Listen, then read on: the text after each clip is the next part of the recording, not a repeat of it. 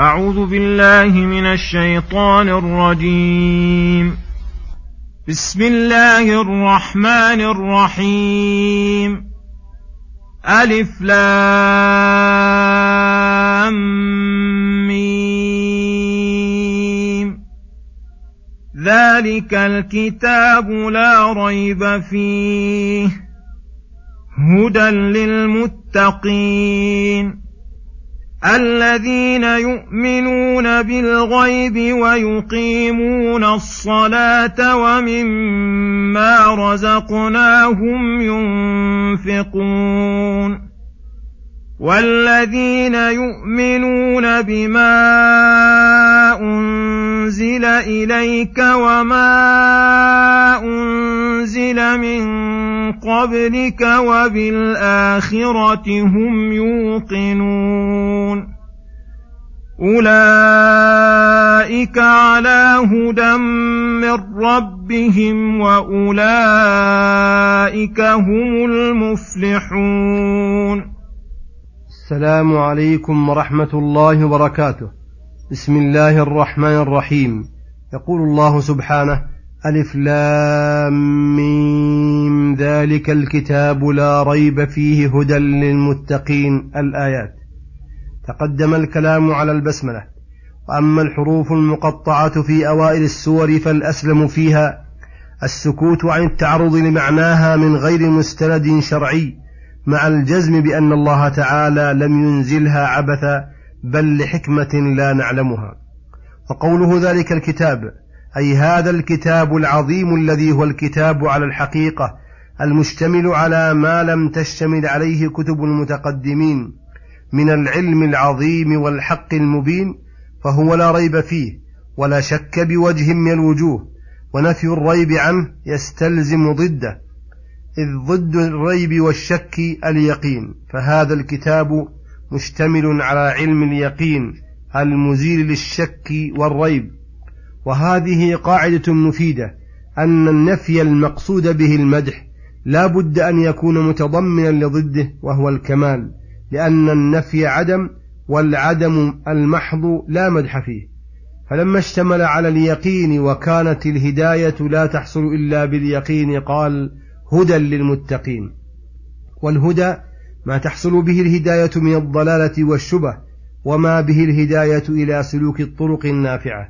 وقال هدى وحذف المعمول فلم يقل هدى للمصلحة الفلانية ولا للشيء الفلاني لإرادة العموم وأنه هدى لجميع مصالح الدارين فهو مرشد للعباد في المسائل الأصولية والفروعية ومبين للحق من الباطل والصحيح من الضعيف ومبين لهم كيف يسلكون الطرق النافعة لهم في دنياهم وأخراهم.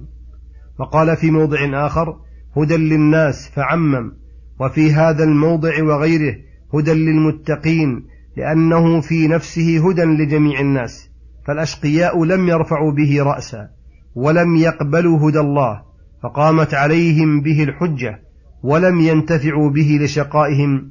وأما المتقون الذين أتوا بالسبب الأكبر لحصول الهداية وهو التقوى التي حقيقتها اتخاذ ما يقي سخط الله وعذابه بامتثال أوامره واجتناب نواهيه فاهتدوا به وانتفعوا غاية الانتفاع.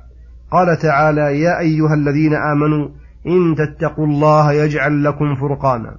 فالمتقون هم المنتفعون بالآيات القرآنية والآيات الكونية ولأن الهداية نوعان هداية البيان وهداية التوفيق.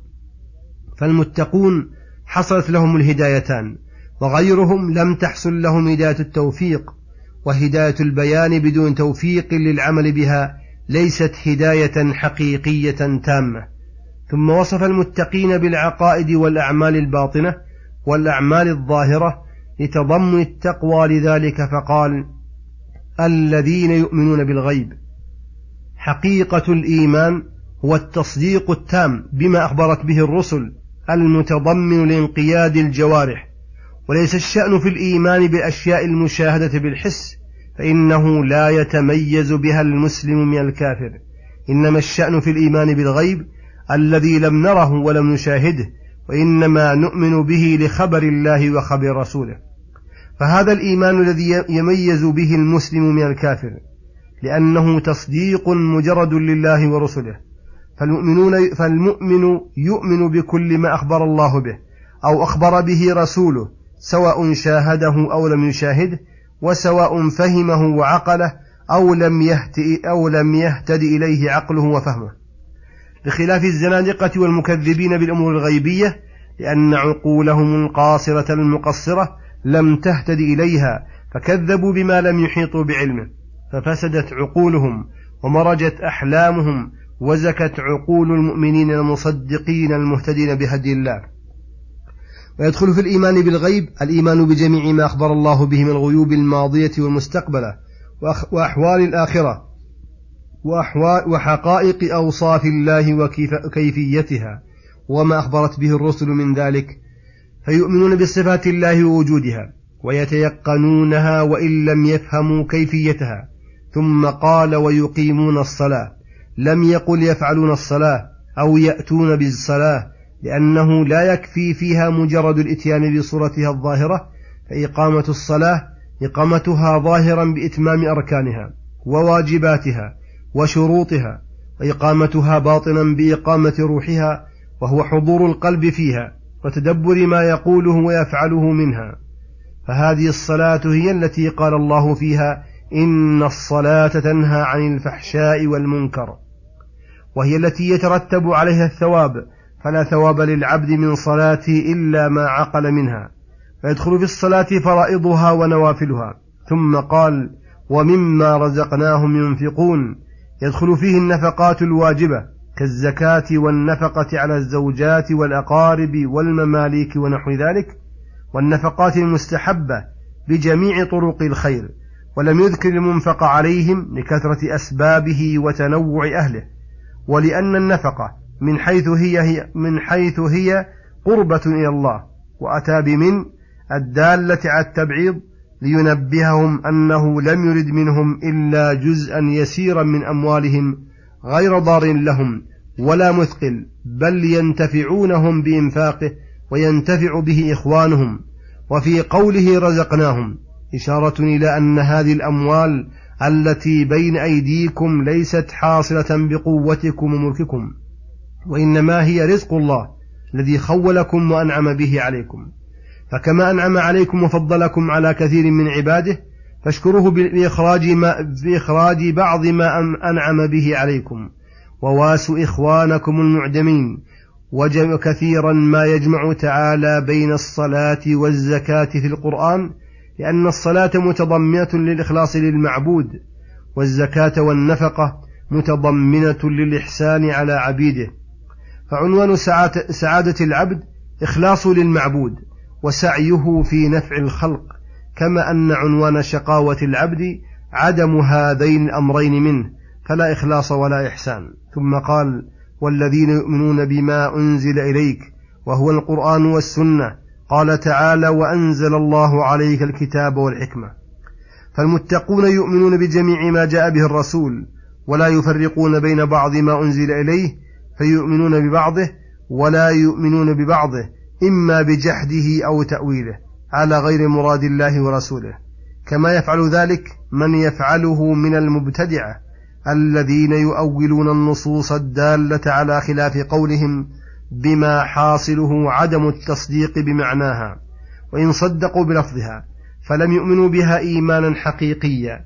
فقوله وما أنزل من قبلك يشمل الإيمان بجميع الكتب السابقة فيتضمن الإيمان بالكتب الإيمان بالرسل وبما اشتمت عليه خصوصا التوراة والإنجيل والزبور. وهذه خاصية المؤمنين يؤمنون بالكتب السماوية كلها وبجميع الرسل فلا يفرقون بين أحد منهم. ثم قال وبالآخرة هم يوقنون والآخرة اسم لما يكون بعد الموت. وخصه بالذكر بعد العموم لأن الإيمان باليوم الآخر أحد أركان الإيمان ولأنه أعظم باعث عن الرغبة والرهبة والعمل واليقين هو العلم التام الذي ليس فيه أدنى شك والموجب للعمل. أولئك أي الموصوفون بتلك الصفات الحميدة على هدى من ربهم أو على هدى عظيم لأن التنكير التعظيم. وأي هداية أعظم من تلك الصفات المذكورة المتضمنة للعقيدة الصحيحة والأعمال المستقيمة. وهل الهداية في الحقيقة إلا هدايتهم وما سواها مما خالفها فهي, فهي ضلالة. وأتى بعلى في هذا الموضع الدالة على الاستعلاء وفي الضلالة يأتي بفي كما في قوله وإنا أو إياكم لعلى هدى أو في ضلال مبين لأن صاحب الهدى مستعلم بالهدى مرتفع به وصاحب الضلال منغمس فيه محتقر ثم قال وأولئك هم المفلحون. والفلاح هو الفوز بالمطلوب والنجاة من المرهوب. حصر الفلاح فيهم لأنه لا سبيل إلى الفلاح إلا بسلوك سبيلهم وما عدا تلك السبيل فهي سبل الشقاء والهلاك والخسار التي تفضي بسالكها إلى الهلاك. فلهذا لما ذكر صفات المؤمنين حقا ذكر صفات الكفار المعاندين لكفرهم المعاندين الرسول فقال إن الذين كفروا سواء عليهم أأنذرتم أم لم تنذرهم لا يؤمنون. الآيات. وصلى الله وسلم على نبينا محمد وعلى آله وصحبه أجمعين. وإلى الحلقة القادمة غدا إن شاء الله. والسلام عليكم ورحمة الله وبركاته.